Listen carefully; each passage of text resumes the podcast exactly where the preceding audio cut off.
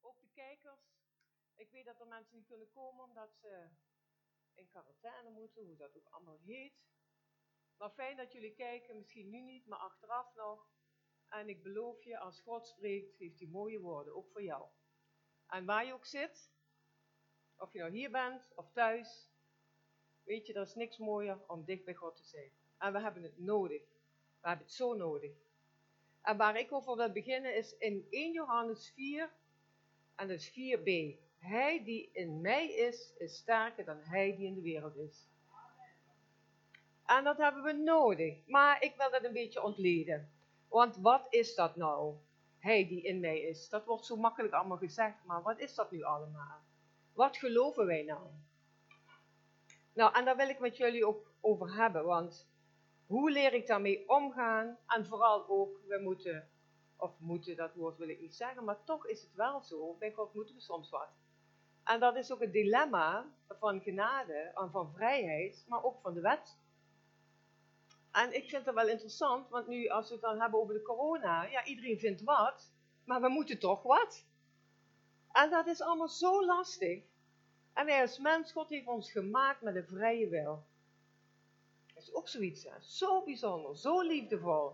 Maar dat heeft ook gevolgen. Dat heeft hele grote gevolgen.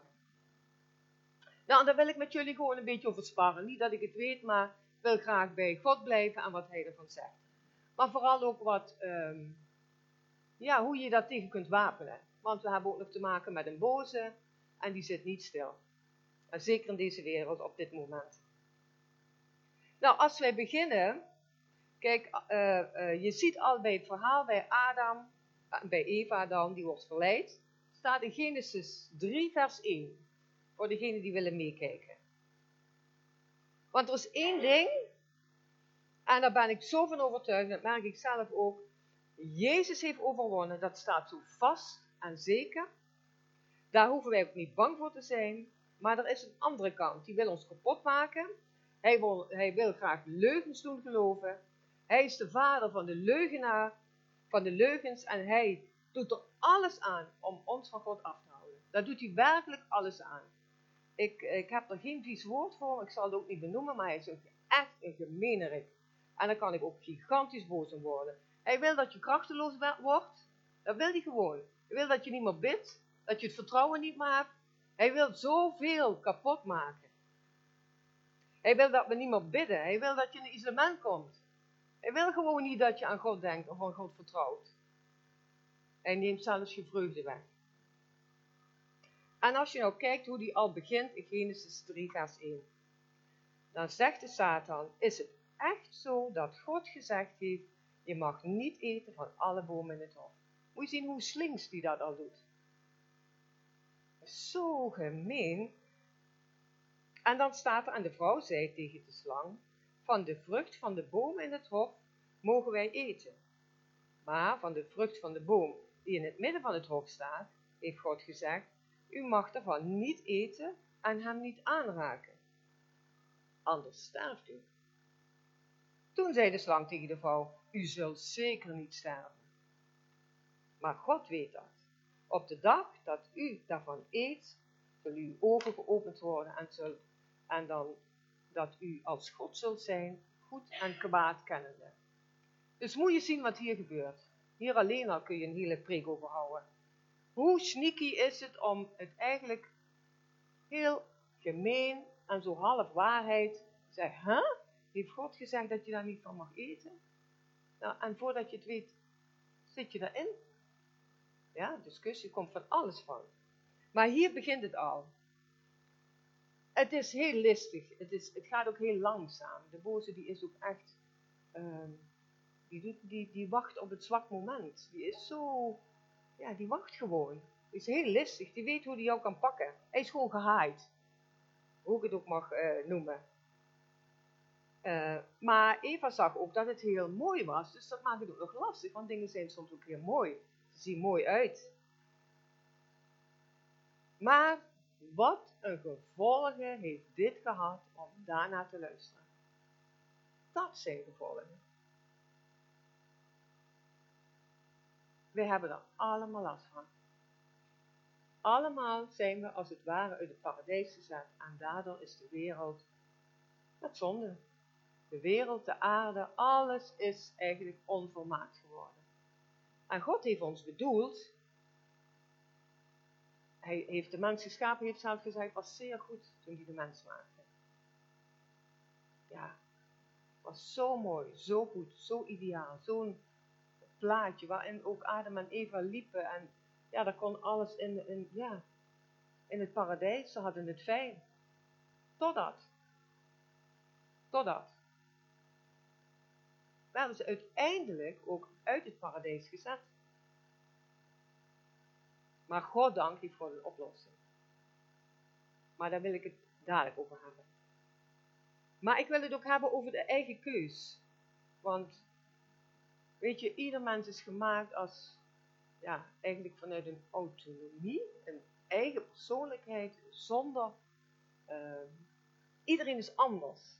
En dat is zo mooi.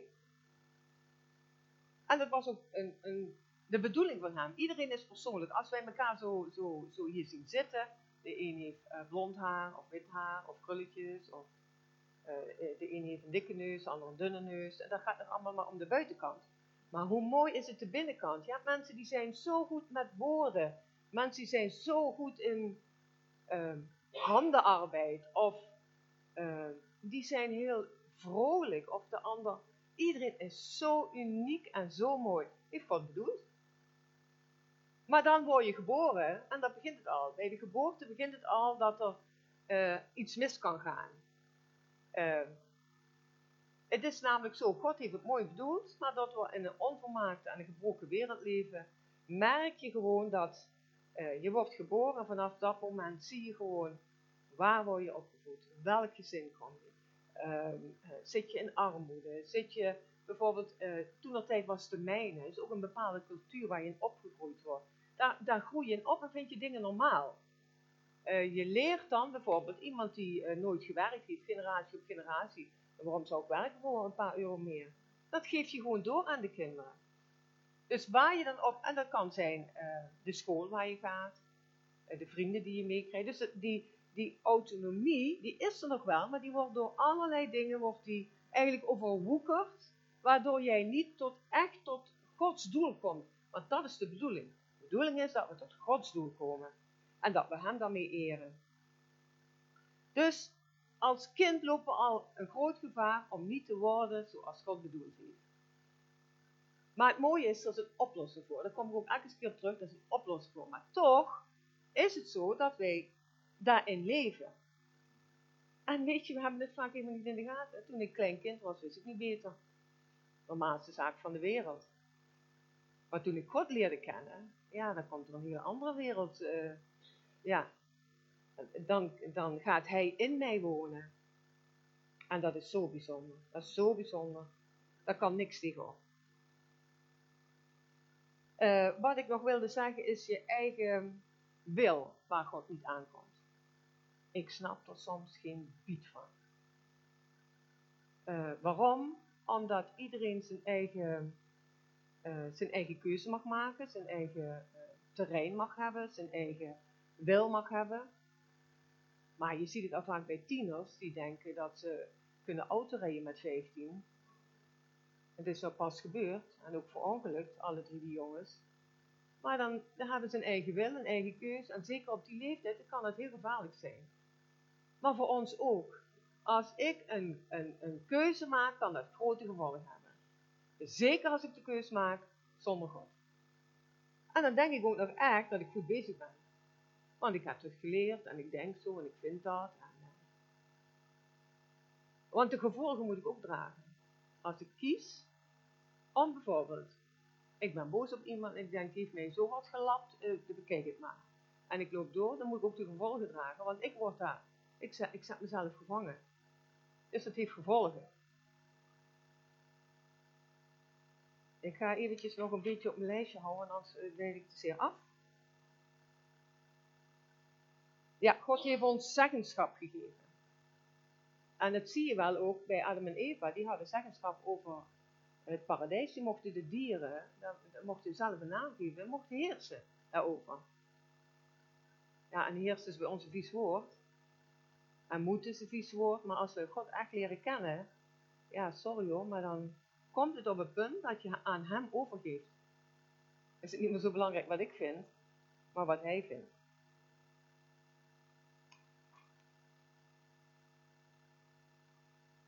Nou, wij willen namelijk van nature zelf bepalen. Uh, ja, dat is wel heel mooi. Maar wat is de bron waarvan wij uit kiezen? Als je ja zegt tegen Jezus, is dat het eerste wat je dan gaat doen, is je onderwerpen. Ook weer zo'n vies woord. Onderwerpen. Ik wil het woord eventjes uitleggen. Uh, weet je, we kunnen tot geloof komen en denken, oh heerlijk, ik ben een kind van God, maar dan begint het pas. Want dan word je discipel en dan vraagt God wel om dingen te doen. En Jacobus 4, vers 7 staat: Onderwerp u dus aan God, maar verzet u tegen de duivel en hij zal van u wegvluchten. Dus, hier staat onderwerp. Dus we kunnen wel last hebben van het een en ander, maar als ik niet onderwerp, ja, dan uh, kunnen we nou behoorlijk last hebben van de boze in ons denken. Het roept ook bij veel mensen tegenspraak op. Maar door de zondeval is er gewoon kennis van goed en kwaad. En deze wereld die wordt beheerst door de boze. Of je dat nou wil of niet, die heeft gewoon zeggenschap. Als je geen kind van God bent, dan word je door hem geleid. Want hij is gewoon niet, hij heeft God zeggen nu. God is overwinnaar, maar we leven nog in deze wereld. We zijn er niet meer van, maar we leven wel in deze wereld. Nou, het moeilijke bij ons is, uh, we hebben dat bij Herman Boon gehoord, ik wil het ook wel echt benoemen. Wij hebben namelijk last van de drie O's, noemde hij dat zo leuk. Opstandig, ongehoorzaam en ongezeggelijk. Allemaal hoor. Of ben ik de enige? Het sprak mij wel aan. Omdat ik denk, ja weet je, we zijn opstandig. We zijn echt, soms zijn we stel tieners, pubers. En dan moet ik soms ook met mezelf lachen. Wij reden van, vanmorgen nog weg. Dan zeiden we nog, hadden we het over de buren. Die hebben, hebben alles versierd met uh, kerst. En dan, dan zit je in de auto en heb je het over, denk, wat oordelen we toch snel aan. En wat vinden wij er toch van alles van? Laat deze mensen wel, maakt het uit. Maar dan zit je weer al direct zo denk En we zeiden ook erachteraan, beter dat als mensen die uh, het huis niet op orde hebben. Dus... Uh, maar het gebeurt heel gauw. Maar als wij dus opstandig zijn, omdat wij gewoon last hebben van de natuurlijke vlees, om het zo maar te noemen, dat zit in ons, daar hebben we allemaal last van. Hoe krijg je dat nou? Hoe kom je daar los van? Uh, de, duivel, of de Bijbel noemt het heel duidelijk vlees of geest. Waar, waar leven we in? Nou, het mooie is dat wij, uh, als wij een kind van God worden, dat, wij, dat de geest in ons komt wonen. En dat is wat die in ons is, is sterker die dan in de wereld is. Ja, dat is dan mooi als we dat weten. Maar dan de praktijk. Dat vind ik dan wel heel leuk. Want, um, hoeveel beseffen wij wie God is? Dat is ook zo'n ding, hè? Want als ik zeker weet wie God is, wat Naomi ook net ook zong, hè? Zong zo mooi lied. We hebben hem nodig. Ik heb het even opgeschreven. Hij is een goede, goede, goede vader. En dat is een feit. Maar we raken het kwijt. We raken het zo gauw kwijt. En we zingen een lied, een verlossingslied. Want hij is de verlosser. En ik vertrouw op u. Dat is de kunst. Op hem te vertrouwen. Steeds weer opnieuw. Maar uh, ik vind het heel lastig. Ik heb bijvoorbeeld heel veel last van controle. Heb ik waarschijnlijk de enige, maar goed, ik heb er last van. Um, en dan wil ik dat wel aan God geven. Maar weet je, als je heel lang van kind af aan gewend bent dat er geen mensen om je heen zijn die betrouwbaar zijn, die ook niet, ja, dan, dan, dan word je iemand die zelf controle wil houden. En dan praat ik het niet goed mee, maar als het dan anders als God ons zegt, doe het nou anders. Dat is zo lastig. We willen het wel, maar het is zo lastig. En dan heb je die liefde nodig om het te durven, om te durven loslaten. om te durven de controle los te laten. Want we hebben over heel veel dingen de neiging om controle te houden. Tenminste ik. Nou, het erkennen en een besluit nemen om dat te doen wat Jezus vraagt. En ook eerlijk te kijken en te durven vragen, die Bijbeltekst komt eigenlijk nog, Heere God, is het bij mij een heilloze weg? Wil ik kijken, wil ik vragen, God de Vader, zit ik op de goede weg? Maar dan moet je durven. En ook leren om je denken te vervoeren. Daar begint alles mee. Het is ook een proces, hè. Het is niet zo dat je tot bekering komt en denkt zo, uh, eerlijk, maar dan begint het pas. Het is echt een proces. En dat blijft. En het is ook wat Naomi net ook zei, het is soms zo moeilijk als er allerlei omstandigheden op je afkomen, waar je soms ook helemaal niks aan kan doen, ja, dan is het wel uh, een kunstje hoor. En God is er, het is in ons denken wat wij ervan maken. Dus we moeten leren, ik dan, ik hou maar bij mezelf vanuit Hem te gaan denken en niet vanuit mijn emoties. Want mijn emoties zeggen soms hele andere dingen. Soms kun je zo lam geslagen zijn en dan vraagt God echt niet een hele hoop. Het enige wat hij dan vraagt, of wat ik dan meestal doe, is zeggen, oh God, help, help, help. Want soms kunnen we ook niet meer. Maar hij helpt. En als ik uitga van mijn emoties, dat is een behoorlijk bedriegelijk iets. Mijn emoties kunnen alle kanten uitschieten. Pijn, angst, verdriet, controle, noem maar op, die hebben we ook. Maar die moeten wel onder Gods, eigenlijk onder Gods genade komen te staan. Want als ik bijvoorbeeld zeg van, uh, ik wil denken vanuit, uh, niet vanuit emoties, maar wat zegt de Bijbel? De Bijbel zegt, ik ben, hij heeft mij lief. De Bijbel zegt, ik ben voor jou gekomen. Uh, ik heb alles onder controle. Ik heb het beste met je voor. We kunnen zo, jouw teksten waren prachtig, Naomi. Elke keer als ik zwak ben, dan is hij sterk. Maar dat moeten wij leren. En niet vanuit mijn emotie. Want mijn emotie zegt van alles. En dan mag je ook tegen je emotie zeggen, en nou is klaar. En nu is klaar. Maar hoe doe je dat? Jezelf het schop onder de kont geven. Het, uh, het gaat niet zo goed, misschien zo, maar, uh, maar het is wel nodig. Wij kunnen ons onder controle krijgen met de gedachten. Als ik zin in een gebakje heb, terwijl ik weet dat ik niet veel zoet mag hebben, en ik denk bij mezelf, hé, hey, ik heb zin in een gebakje, dan kan ik een paar dingetjes doen. Ik ga lekker naar de bakkerij en dan kijk ik in, de winkel en dan kijk ik in die, in die uh, etalage en denk oh, dat is toch lekker gebak. Maar dan zeg ik, eigenlijk moet ik niet doen. Ah, man. En de volgende stap. Ik ga naar binnen, ga ik toch, ik ga niet kopen, denk ik. Ik ga even kijken, ik kom er al steeds dichterbij. Mijn emoties, ik heb zin in zoet.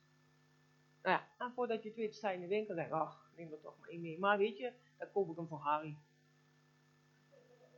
Maar zitten we thuis, eet ik hem toch zelf op. Zo, zo, dat gaat zo. Emoties maken je gewoon uh, soms helemaal van de wap af. En hier heb ik geschreven, negativiteit begint vaak heel klein. Het druppelt binnen door mijn denken. Heel zacht krijgt het een weg naar mijn ziel. Uh, negativiteit is dodelijk. Het is gewoon een dodelijk monster. Um, het verbrandt eigenlijk alle hoop die in je is. Het is onze basisnatuur. De, onze oude ik, het vlees. En het kost heel veel moeite om dat af te laten sterven. Net als een graankorrel die in de grond moet om af te sterven. En vaak is negativiteit ook iets heel normaals. Zijn er zo mee vertrouwd. Ik ken mensen die zijn ziek en uh, die zitten in een rolstoel en zeggen, laat mij maar erin zitten. Die willen helemaal niet dat je bidt. Dat is lekker vertrouwd. Soms zitten mensen, zie ik ook bij, bij mensen die ik wel eens begeleid, uh, met de hulpverlening. Die zeggen, Betty, laat me alsjeblieft. Nee, huh? Ja, die zitten liever in die negativiteit. Als dat ze eruit komen. Daar snap ik niks van. Maar ik heb geleerd, ze hebben een eigen keus. Iedereen heeft een eigen keus. Het mag, maar het heeft wel gevolgen. Het heeft echt gevolgen. Om een voorbeeld te, hebben bij een vrouw, want het schiet me nu te binnen. Een vrouw rond de 65 uh, had de leven niet meer op de rit. Ik mocht daar naartoe en uh, ik mocht niet eerder dan drie uur komen. Ja, drie uur, smiddags hè. Nou, goed, ik kwam drie uur, stond ze net op. Nou, haar, haar dag- en nachtritme was verstoord. En daar vind ik dan wat van. Ik denk, je moet toch een beetje op tijd opstaan om iets van de dag te hebben. Dus ik zeg tegen die mevrouw, zo, wat wil die nou precies? Wat, wat is de hulpvraag en zo? Uh, de dokter zei dat ik, uh, ja, dan moest iemand gewoon uh, komen voor hulp. Nou, dus ik denk, nou, ze wil eigenlijk helemaal niet. Daar begint het al mee. Vervolgens zeg ik, zullen we, zullen we eens proberen dat ik een uurtje eerder kom? Ik had in mijn gedachten, ik ga dat dagritme een beetje veranderen. Zonder dat ik dat zei. Hè. Ik was natuurlijk ook wel een beetje gehaaid. Maar ze deed gewoon niet open. Dus ik denk, ja, dat werkt dus niet. Nou, en zo ging je van alles proberen, maar wat ik wilde. Deze vrouw vond het prima om om drie uur op te staan. Het is haar eigen zeggenschap, hè? zij mag bepalen. Maar of het goed is, is een tweede. Dus dacht ik, hoe ga ik dat nu oplossen? Toen dacht ik, ik ga iets leuks bedenken waar we samen naartoe kunnen, zodat ze in, een, dat ze in elk geval ook meer naar buiten komt. Zodat echt in een uh, isolement. Dus ik met haar, met veel hangen en wurgen, middags ergens waar je zo inloop hebt. Ik met haar naartoe. Nou, zij loopt netjes af met de rollator achter me aan. En ze zit daar, ze doet netjes wat van, van haar gevraagd wordt. En ze gaat naar huis. En ik denk, nou, dat heeft totaal geen zin. En toen zei ik, hoe vond je het? Nou.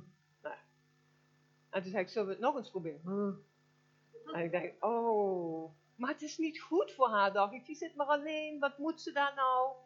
Nou, en s'nachts ging ze pas leven, ze at niet goed. Uh, weet je, als je in een isolement bent, lieve mensen, word je ziek. Je wordt ziek, God heeft je gemaakt om in relatie te zijn. Je wordt ziek.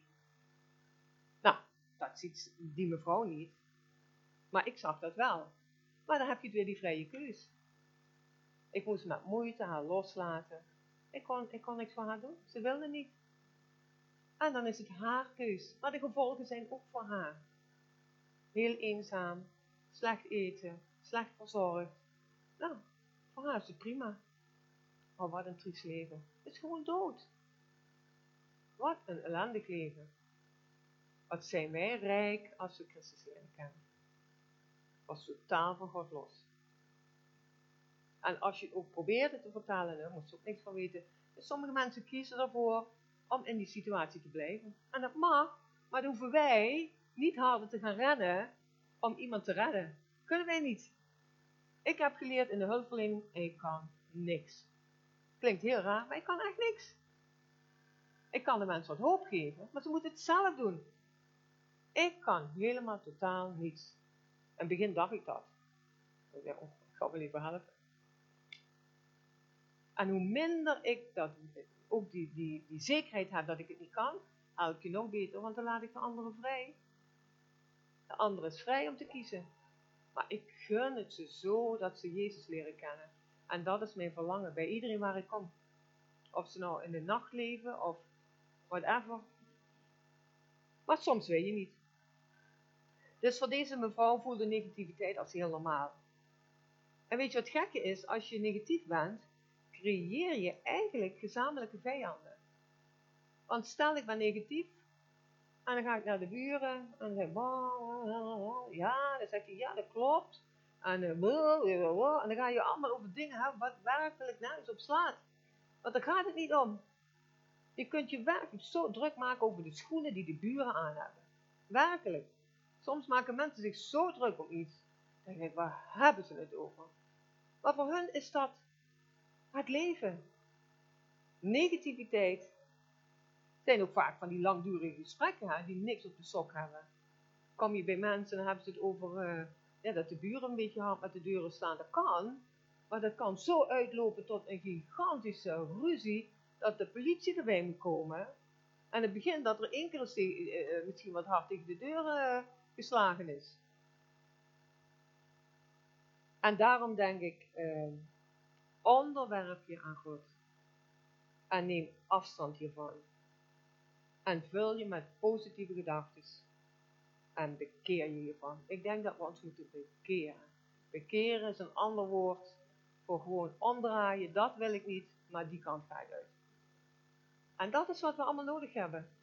En niet bang zijn als God zegt ja. Bijvoorbeeld, verneder je voor hem. Dat willen wij niet. Dus we moeten leren dat we uiteindelijk gaan doen wat God vraagt. Want dat is liefde. Hè? Ik moet nog denken aan, uh, aan, aan, aan vrijheid. Een vis die zit in de kom hè? met water. En dan denk je, oh wat zielig, zo'n klein visje, zo'n kleine ruimte. Stel dat de vis zegt, ik heb meer ruimte nodig. Die ploept eruit. Dan denk ik, heb vrijheid. Oeps, op de grond. Ja, die leeft niet lang. Zijn vrijheid is water. Hij moet in het water zitten. En onze vrijheid is dicht bij God zijn. Als voorbeeld. Maar goed.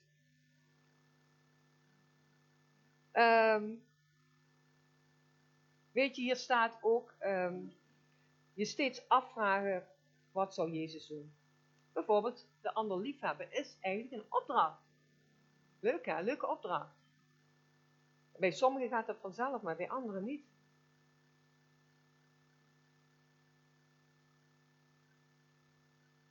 Weet je, wij denken dan ook, als we het dan hebben over liefhebben, dan gaan we al denken, ja, ja, ja, ja. Wij vinden er wat van, we hebben daar mening over, we oordelen daarover. Maar God vraagt niet je mening, hij vraagt gewoon, heb de ander lief. Maar dat is een ander verhaal, hè. Dan zit een hele, hele hoop tussen van ons als persoon, maar God zegt gewoon, heb de ander lief. Hij zegt niet als hij dit en als hij dat en als hij zus. Nee, heb de ander lief. Eén is eerste opdracht. En dan is dat heel lastig, maar er staat in 1 Petrus 2, vers 1. Bevrijd uh, ja, God bevrijdt u van alle gevoelens van haat en bedrog. Het moet afgelopen zijn met het schijnheilige gedoe. Ja, ik zet erbij, jaloezie en roddel. Dit staat gewoon in het woord. Het moet afgelopen zijn. Zeg God, hè? Ik niet. Heb jij het verlangen naar het zuivere woord om te groeien en om alles aan het licht te brengen? Want ik denk ook dat wij heel vaak dingen hebben die we gewoon in uh, duister doen. Uh, en ik denk ook dat je daardoor soms niet tot God komt, want er zit er iets tussen. Want hij die in mij is, is meer die dan in de wereld is. Maar hij die in me is, als hij puur aan een goede relatie, dan heeft dat zijn effect. Maar is er iets tussen van zonde, of van iets wat niet oké is, dan kan hij wel in ons wonen, maar dan werkt het niet dan heb je daar geen contact mee. Maar dit alles kunnen wij niet uit onszelf, we hebben hem daarin nodig. Ik kan mezelf niet veranderen. Ik had altijd gedacht om Harry te kunnen veranderen, ben ik ook achtergekomen dat het niet lukt. Ja, zielig geef hem maar een klopje. Maar ik kan niemand veranderen, we willen dat vaak. Maar God en God en God alleen doet dat. Door zijn liefde. Niet door dit en dit moet je, maar het is zijn liefde. Want hij komt vanuit de hemel naar, naar de aarde. Hè? Wij niet eens eens naar hem toe. Wij hebben er niks en niks en niks voor te doen. Hij komt, stuurt zijn zoon. Wat een liefde. En ik roep met regelmatig uit, echt, heer, hallo. De kinderen weten dat ook, hè? dat verhaal weet Rebecca beslist toen uh, heel dat grote lekker aan tafel zat en één chaos en dan één, riep ik kom eten, dan kwam er weer eentje niet en dan moest ik die weer tien keer roepen en ik was het zo spuugzat. Want dan zit je met eten en dan moet je ze allemaal één voor één nog eens tien keer roepen en toen riep ik ineens, help, keihard, de kinderen. En die gingen netjes zitten en die begonnen te eten. Ik denk, nou god, ik roep maar eens vaker help, want er gebeurt er iets. Nou, was een leuk, leuk moment, maar dat vergeten ze nog steeds niet. Hebben ze nog vaker over. Volgens mij gisteren nog even, hè? Getraumatiseerd zelfs. Moeten we er maar gauw voor bidden. Ja, je doet soms gekke dingen. Maar uit nood mag je God roepen. Dat is het beste, het beste wat je kunt doen. Ik kan geen liefde geven, maar in Hem kan ik zoveel meer. Bijvoorbeeld het zeggen van lieve woordjes. Hoe vaak doen we dat? Oh, dat is ook zo lastig, hè? Eh, ik heb een fantastische schoondochter, wisten jullie dat? Het is een kanje. Ik ben zo blij met haar. Ja, lekker. Weet zo hoor, maar ik zeg het even waar iedereen hoort. Fantastisch. En zo kan ik het rijtje afgaan. Iedereen is zo mooi, zo bijzonder, zo fantastisch. En ik zie, ik zie in haar Jezus. Zo vertrouwen op God. En dat, dat, dat doet mij zo goed. Rijn en Greetje, wat de kanjers.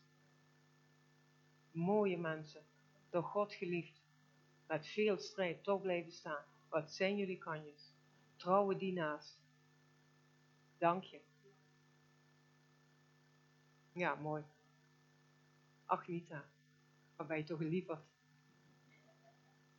Een mooi mens, trouw aan God, ondanks alles. Mooi. Jan, fijn dat je er bent. Heel fijn. Jan en Anneke, jullie zijn zo'n kanjes. Raakt mijn hart. Ja. Weet je, jullie zijn mensen van God en dat maakt het zo mooi. Dan ga je zoveel mensen houden. En laten we dat doen, lieve mensen. Met elkaar spreken uit liefde. Jullie zijn oké, het is goed, het is mooi. Neeltje, dank je voor je woord. daar ga ik nog over nadenken. Maar dank je dat je het lef hebt, ondanks alles, om dat te doen. Ik vind dat knap van je. Echt waar. Ja, en lieve Els, mijn schoonzusje en mijn zusje, wat ben ik blij met jou. Altijd opgewekt, ondanks de toestanden. Mooie vrouw, God houdt van je. En hij lacht omdat je zoveel zin hebt en meer. Mooi. Kijk, daar word ik blij van. Word ik blij van, maar jullie ook? Oh, ik kan zo het rijtje afgaan. Bertha. Oh, Bertha. Ja, mooi. Laten we dat maar meer doen. Weet je, kan er ook geen gekke gedachten in mij komen. Omdat ik bezig ben met een ander. En gewoon zien, hé. Hey, en dat doet ze goed. En dat wil God gewoon. Dan ben je ook niet bezig met de boze. Je krijgt gewoon geen kans. Weet je, liefde overwint alles. Echt alles. En weet je, God staat klaar met open armen. Hij wil zo graag zijn liefde aan jou kwijt. Hij wil niks anders. En hij wil jou helpen om vernieuwing in jouw denken. Een heel proces. Daar wil hij je bij helpen. Bij je denken, maar ook bij je doen. Want het doen vinden wij soms heel lastig. Wat doet zijn liefde? Zijn liefde overwint de duisternis. Zijn liefde maakt scheiding tussen leugen en waarheid. Ook dat is zijn liefde. Zijn liefde maakt scheiding tussen licht en duisternis. En ik realiseer me heel goed dat er heel veel nood is, psychisch, maar ook lichamelijk. En liefde overwint dat. Ik wil niet zeggen dat alles weggaat, maar dan wordt het draaglijk. Efeziërs 6, vers 10 lezen we, wij vechten niet tegen mensen die uh, tegen onzichtbare wezens, de duivelse heersers en machten, die deze boze wereld tyranniseren, een heel leger van boosaardige geesten in een onzichtbare wereld om ons heen. We zitten in een oorlog. Of we dat nou willen of niet, er is oorlog. Maar wat kunnen wij daar nu aan doen? Beginnen met bewust worden dat we erin zitten. Lieve mensen, kijk nou eens, ik, ik hoorde net uh, van Jacques dat bij jullie in de wijk of in Steen ook wel uh, uh, een hoop oproergaaiers waren. Ja, weet je, het, het, wordt steeds fraaier. Maar daar zijn we niet aan tegen het vechten, echt niet. Maar zijn we bewust dat we daarin zitten? We zitten daar middenin. Des te meer hebben wij nodig dat Hij in ons is. Want hij die in ons is, is meer dan die in de wereld is. Maar hebben wij beseft dat wij de sleutels hebben? Wij zijn namelijk overwinnaars. Jippie! Voelen we niet zo? Nee, ik voel het niet altijd.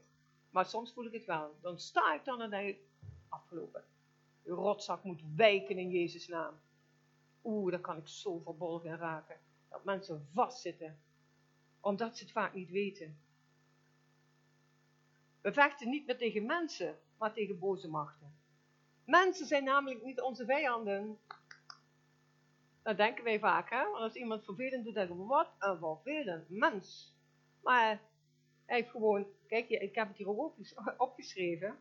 Mensen zijn nooit de vijanden. Ze kunnen wel heel lastig zijn, of je soms haten, maar ze zijn niet je vijanden. Mensen die erg lelijk doen, die kunnen namelijk geïnspireerd zijn door de boze. En wat ze nodig hebben, is liefde aan Jezus. Maar weet je, de boze gebruikt dat. Dat zijn zijn wapens. Hij gebruikt mensen, hij gebruikt iedereen, hij gebruikt alles. Hij is zo geniepig en smerig en, en nou ja, hij is onder onze voeten. En hier staat ook, sla zijn aanvallen af door op de Heer Jezus te vertrouwen. Dat staat in 1 Petrus 5, vers 9. En Jacobus zegt ook, want dat vind ik ook een hele interessante. Jacobus 4, 17. Als u weet dat u iets moet doen en het nalaat, dan zondigt u. Dat is ook zo mooi, hè? Dus het is zo belangrijk om dicht bij God te zijn, zijn woord te kennen en hem te aanbidden. Want ik denk ook in aanbidding zit zoveel kracht. Het zoveel kracht. En de geestelijke wapens is Gods woord. Elke keer opnieuw Gods woord. Je ziet het al dat Jezus beproefd werd in de woestijn. Wat werd er gezegd? Jezus zei steeds, er staat geschreven. Elke keer opnieuw. De naam van Jezus heeft de duivel overwonnen. Alleen al de naam van Jezus. Ik heb er zo vaak meegemaakt dat ik bij mensen kom. Met conferenties was het weliswaar. Dan zei, dan zei ik, ik bad niet eens dat de boze moest wijken. Ik zei alleen Jezus, bam. Duivel weg. Of liefde, liefde. Vul deze mensen met liefde. Als je echt in die geest van God bent. God is overwinnaar. Och jongens, dat is zo mooi hè. Dat, ik vind dat zo mooi als mensen vrijkomen. Maar dat kan niet altijd door een manifestatie of door dat mensen naar voren komen. Dat kan gewoon als jij gaat aanbidden. Dan kom je al los van dingen. Dus het hoeft niet altijd met manifestaties. Soms gebeurt dat, dat is ook niet erg. God weet wat hij doet. Volgens mij gaat dat ding een beetje gek doen. Dan hebben we het bloed van Jezus. Dat is ook een geestelijk wapen. In het Oude Testament staat, en dat vind ik ook heel mooi, dat de deurposten bedekt werden met zijn bloed. Zodat de dood van verderf voorbij ging. Is zo mooi, hè? Als je bewust bent, ik doe dat ook wel eens in ons huis. Het bloed van het lam. Gewoon geestelijk uitspreken. Ik bedek de, de posten, deurposten, met bloed van het lam. Dat is zo mooi om te doen. En als je daar zeker van bent en van overtuigd bent, ja, dan, dan sta je daar ook in. Maar ik wil de boze niet alle aandacht geven, maar hij is er wel. Want je hebt namelijk alles in huis om een zegenrijk leven te hebben. Jezus heeft overwonnen en daardoor hebben wij de oorlog ook gewonnen. Maar er zijn wat tactieken van de duivel. En dat is zonde. Ongehoorzaamheid. Uh, vooral naar zijn woord. Ja, de duivel wil dat we liegen. En uh, niet gehoorzamen. Want dan word je geestelijk zwak. Kom je onder zijn invloed. En als je daar lang genoeg onder blijft, maak je de deur open voor de boze. Niet om je bang te maken, maar zo gaat het. Stel je kijkt naar verkeerde dingen. Naar onreinheid of lust of verslaving of computer of telefoon of uh, je hoeft het maar te bedenken. Het is zo, het ligt allemaal zo makkelijk voor iedereen. Vroeger hadden ze geen telefoon. Nu is het een prachtig ding als je hem goed gebruikt. Maar hoe makkelijk is het? Ik heb één keer op een verkeerd knopje geduwd. Ik kreeg alleen maar porno erop. Ik schaamde me voor mezelf. Ik denk, wat krijgen we nou? En die telefoon was er niet zo oud. Dus ik, nou ja, wat moet ik? Ik durfde bijna nog niet te laten zien. Ik weet het ook niet, zeg ik weet het ook niet. Nou, toen dacht ik, wat heb ik nou gedaan? Nou, ik heb schijnbaar iets gedownload, want ik, dat weet ik dan allemaal niet zo. Ik naar de winkel. Denk, ik wil, ik naar de winkel, zeg tegen die man, was ook nog een man, een jonge man. Ja, ik, uh, ik zit met een punt uh, porno. Oeh, laat eens kijken. Denk, nou ja, je kunt je wel voorstellen, ik vond het echt niet leuk, maar ik moest er vanaf. Ik werd er zo onhebbelijk van, zo akelig, dat ik, dat ik me chaneerde voor hetgeen wat ik, wat ik keek gewoon. En, je kon, en het begon eerlijk, eerst ook met, met iets heel voorzichtigs, maar naar de hand kwam er uh, een geluidje bij. En ik denk, en ik moet het weg, ik moet het weg. Uitgezet, lukte niet. Nou, vervolgens uh, dacht ik, ik zei, geef me maar een andere telefoon. Ik koop een nieuwe. Ik, ik wil een nieuwe. Zegt hij, nou, nou, nou, van. Wat heeft hij nou gedaan? Het, uh, het, kaartje eruit gegooid. Ik zeg, gooi alle apps af die ik toch niet gebruik. Nou, er bleef niet veel meer over. Maar ik was het kwijt. Was ik blij. Maar jongens, het komt er zo op. Ik bedoel, uh, ik, uh, ik heb het dan gezien en ik raak er een beetje, ben ik toch al wat gevoelig voor. Daar raak ik een beetje in paniek van. Maar hoe gauw gaat het niet met ook jonge kinderen? Voordat je het weet zijn ze verslaafd. En dan vinden ze zo normaal als wat. Maar kap ermee, zeg. Dat zou dingen zijn. Kap ermee, stop ermee. Ja. En dat is uh, op allerlei gebieden. Ik heb het over de telefoon, maar dat kan voor van alles zijn. Mensen die kooplustig zijn, of uh, mensen die altijd bijvoorbeeld helemaal mooi make-up uh, willen hebben, die kunnen niet zonder make-up. Het is allemaal niet erg, maar het is een afgod of een. Je bent eraan verslaafd. En dat is niet oké, want het houdt je van God af. En het maakt niet uit, je, je hoort de gekste dingen. Ik heb eens een vrouw gesproken, uh, had 25 jaar een leugen voor zich gehouden, dat ze, uh, voordat ze ging trouwen, met een man is gegaan en daar is een kind van uitgekomen. Terwijl ze is getrouwd en die, en die vader wist niet dat, dacht dus dat het zijn kind was. Nee, maar niet zijn kind. Zo bizar. 25 jaar loop je dan met een leugen rond. Jongens, breng het aan het licht. En soms is dat lastig, maar breng het aan het licht, want dan kan hij, die in je woont, kan ook functioneren. Anders zit hij wel mooi in je, maar dan heb je er helemaal niks aan. Wat doe je ermee? Weet je, je kunt het ook uitstellen. Soms doen we dingen en denken, ah ja, dat moet ik eigenlijk echt niet doen. En dan doe ik het weer. En luister, we kunnen het niet uit onszelf. Hè. We hebben het God nodig. Want sommige dingen doen we. En uh, ik heb ook uh, best wel last van uh, erkenning, heb ik heel lang gehad. En weet je wat God dan doet? Heel liefdevol gebed is niet nodig. Ik denk, oh ja, dat wil ik niet. God, maar help me daarmee. Dus het lukt ook niet. Je kunt niet 1, 2, 3 een gebedje en het is over. Het zijn processen. Maar ben eerlijk. Kijk of er bij mij, en dat zeg ik dan tegen mezelf, en, en hier staat het in Psalm 139. Toets mij en zie of bij mij een heilloze weg is en leid mij op de eeuwige weg. En dan moet ik regelmatig bidden. Maar niet alleen bidden, ik moet er ook iets mee doen. Het doen, doe er iets mee. En hier staat in Johannes, indien wij onze zonde beleiden, hij is getrouw en rechtvaardig om ons de zonde te vergeven, ons te reinigen van alle ongerechtigheid. Dus wat er ook is, zie je ook bij Adam en Eva, het is gebeurd en wat doet God in zijn liefde? Adam, waar ben je? Adam kwam niet in de eerste instantie, maar doordat God naar hem toe ging, Adam, waar ben je? Dat doet God ook. Lieverd, hoe, waar zijn jullie? Wat je ook gedaan hebt.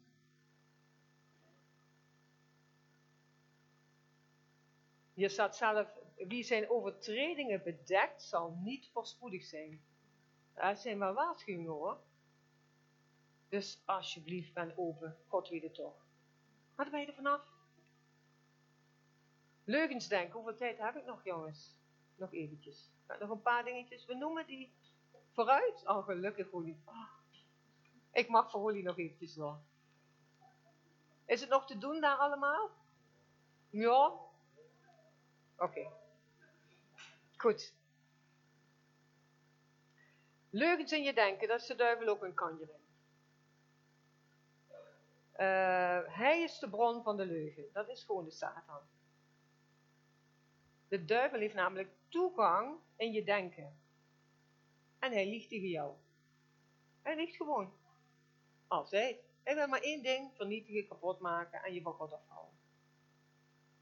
Daarom moeten wij de baas worden over ons denken. Wij moeten de baas worden over ons denken.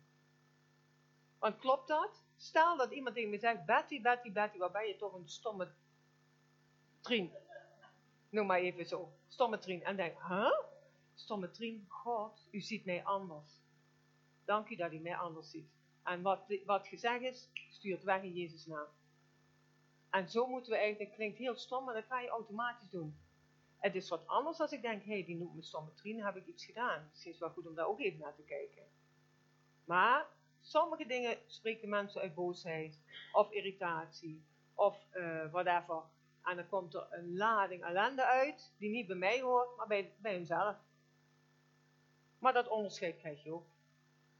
Door het gewoon te doen. Dus elke keer moet ik leren mijn gevoelens en mijn denken de baas te worden. Elke rotgedachte moeten we wegsturen in Jezus' naam.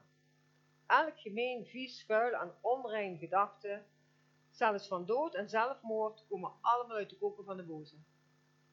Hij wil je gewoon kapot maken. Het is niet zo'n leuk berichtje, maar het is zo. Wij zitten in oorlog. En zeker in deze tijd, we zitten in oorlog. En elke keer weer teruggaan, er staat geschreven. Ik sta wat blaadjes over, want anders dan... Uh... Twijfels, laat ik het daar eens over hebben. Hij wil ook dat we twijfelen. Hebben jullie wel eens moeite met een keuze maken? Of jij? Ik ook hoor. Ik kan soms zo lastig keuze kiezen maken. Ga het maar gewoon om een, om een jurkje. Dan denk ik, ja, begin ik al, heb ik het nodig? Ja, eigenlijk niet. Zo, ik ben dan echt zo'n zo'n zuinige brie. Dan denk ik, hmm, en staat het me wel? Ja, ga ik het aandoen? Wanneer ga ik het dan aandoen? Ja, hmm. En zoveel geld ervoor? Nee, dat vind ik toch niet waar. Loop ik de winkel uit? Nou, en zo kan ik dus lekker uh, twijfelen. Gaat het om een jurkje? Maar dat gaat ook met de keuzes waar ik naartoe ga. Ga ik dit nou doen of dat nou doen? En natuurlijk moet ik het bij God leggen, maar we hebben ook een eigen keus. Maar wat er mij opvalt is, als je lang twijfelt, dan word je doodziek van. Is het nou ja? Is het nou nee? Moet ik nou dit? Moet ik nou dat? Nou. En dan denk ik, oh, wie maakt toch een keus? Denk ik dan bij mezelf, is het verkeerd? Nou, dan ga ik toch gewoon terug. Maar je durft ook niet iets verkeerds te doen. Dus, uh, het is niet makkelijk om daarvan af te komen. We hinken op twee benen en je wordt besluitloos en je komt niet tot actie. En het kan soms ook even duren dat je geen antwoord van God krijgt, want soms weet je het ook niet. Maar dan moeten we even wachten. Maar bij de gewone dingetjes heb ik al soms last met een keuze maken. Maar dat is ook wat de boze wil. Lekker twijfelen en verder niks doen. Dan hebben we de angst. Angst is ook een hele slechte raadgever. Och jongens, ik, ik kan zo bang zijn soms. Ben ik al een heel stuk van bevrijd. Maar sommige dingen, want het heeft alles met controle te maken. Angst voor mensen. Angst voor fouten te maken. Angst, het lukt mij niet. Het is steeds vallen en opstaan en steeds opnieuw naar God toe. Omdat ik weet dat angst geen goede raadgever is. God, wat zegt u? En wat ik dan doe is zingen, zijn woord pakken. En weet je, dan moet je niet denken dat als je het één keer zo leest, denk je, oh, angst is weg. Nee, dat moet zo doordrongen worden. Zo bezig zijn, elke keer opnieuw. God, u hebt mij lief. En gewoon ook eens even stil te staan. Soms zijn we ook zo druk. Ik wil me dan richten op Hem, zijn woord lezen en zingen. En met Hem in contact zijn. Soms gewoon even stil zijn. En dit bij God brengen. We hebben ook last van altijd maar vragen stellen. Bijvoorbeeld iemand zegt, maar dan ga je vragen, ja waarom? Of, uh, nou ik zal lezen wat er staat, want dan kan ik beter verwoorden. De duivel is specialist om je bezwaard en schuldig te laten voelen.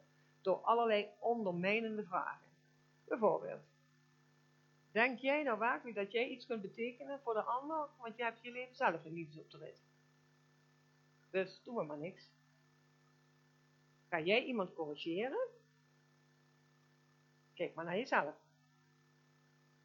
En durf je wel te bidden voor zieken, je bent zelf nog ziek. En ga jij het evangelie vertellen aan anderen? Kun je het wel uitleggen? Weet je, zo allemaal van die ondermijnende vragen. Dat zijn geniepige vragen en dat weerhoudt je eigenlijk om actief te zijn. Want je wordt steeds aangeklaagd. Elke keer opnieuw. Maar goddank heeft hij het overwonnen. Redenering, ik wil een paar dingetjes noemen. Ga er vlug doorheen. Hij is een kampioen om ons te laten redeneren. En als we hem zijn gang laten gaan, dan beredeneren we al ons geloof weg. Bijvoorbeeld, ehm, ik moest laatst iemand bellen. Was ik een, uh, een zuigen? Nou, ik denk, oh god, zei, ga eens even iemand bellen. Ik denk, ah oh, nee, dat komt me nu niet uit. Of uh, wat moet hij wel niet denken? Die persoon kon ik helemaal niet zo goed. En uh, ik ging weer door met zuigen. En ik ging alles beredeneren. Wie moet ik nou bellen? Noem maar op. Vervolgens kon ik er niet onderuit, omdat je een paar keer terugkomt, toch gebeld. Wat bleek nou? Het gesprek was op het juiste moment. Maar als ik bleef beredeneren en bleef doen wat mijn gedachten zei, heb ik niks gedaan. Dus het is elke keer de kunst om niet alles weg te beredeneren. Daar kun je heel, eh, waarschijnlijk weten jullie dat ook wel. Of uh, beredeneren jullie nooit? Heb ik dat alleen? Nee. Zijn gewoon maar een paar tactiekjes. Um, daar krijg je ook zo lekker discussies. Daar kun je ook over hebben. Hè?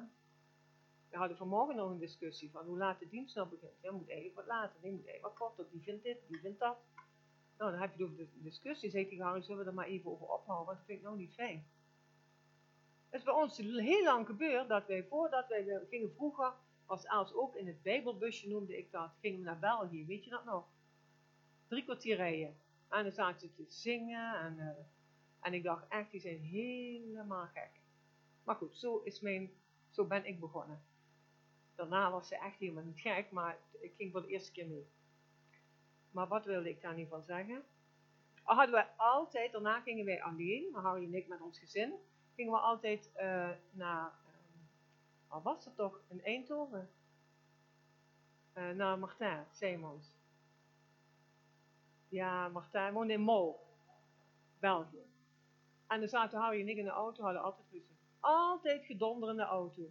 Totdat je in de gaten krijgt, je wil gewoon ons lam leggen. En om niets, hè, als je het dan hier hebt over discussies, over dingen. Allemaal niet. En soms worden wij gewoon aangevallen zonder dat je het weet. Maar discussies, lieve mensen, blijf daar buiten. Blijf daar buiten. Helemaal niet nodig. Nou, ik wou het hier toch een beetje bij laten, maar ik wil vooral zeggen.